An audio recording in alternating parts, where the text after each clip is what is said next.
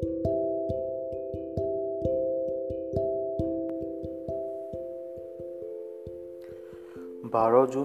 ঊনৈছশ বিয়াল্লিছ